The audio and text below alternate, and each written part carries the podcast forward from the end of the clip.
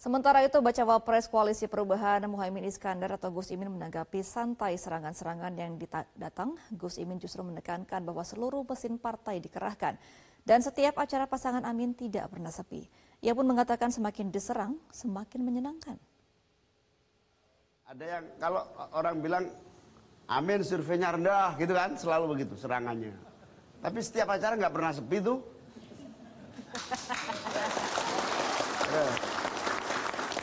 Katanya uh, Muhaimin nggak kontribusi kenaikan suara. Mana mungkin nggak ada kontribusi. Seluruh mesin yang saya miliki bekerja 24 jam untuk pasangan Amin. Jadi menurut saya semakin diserang, semakin diserang semakin menyenangkan kehidupan kita itu.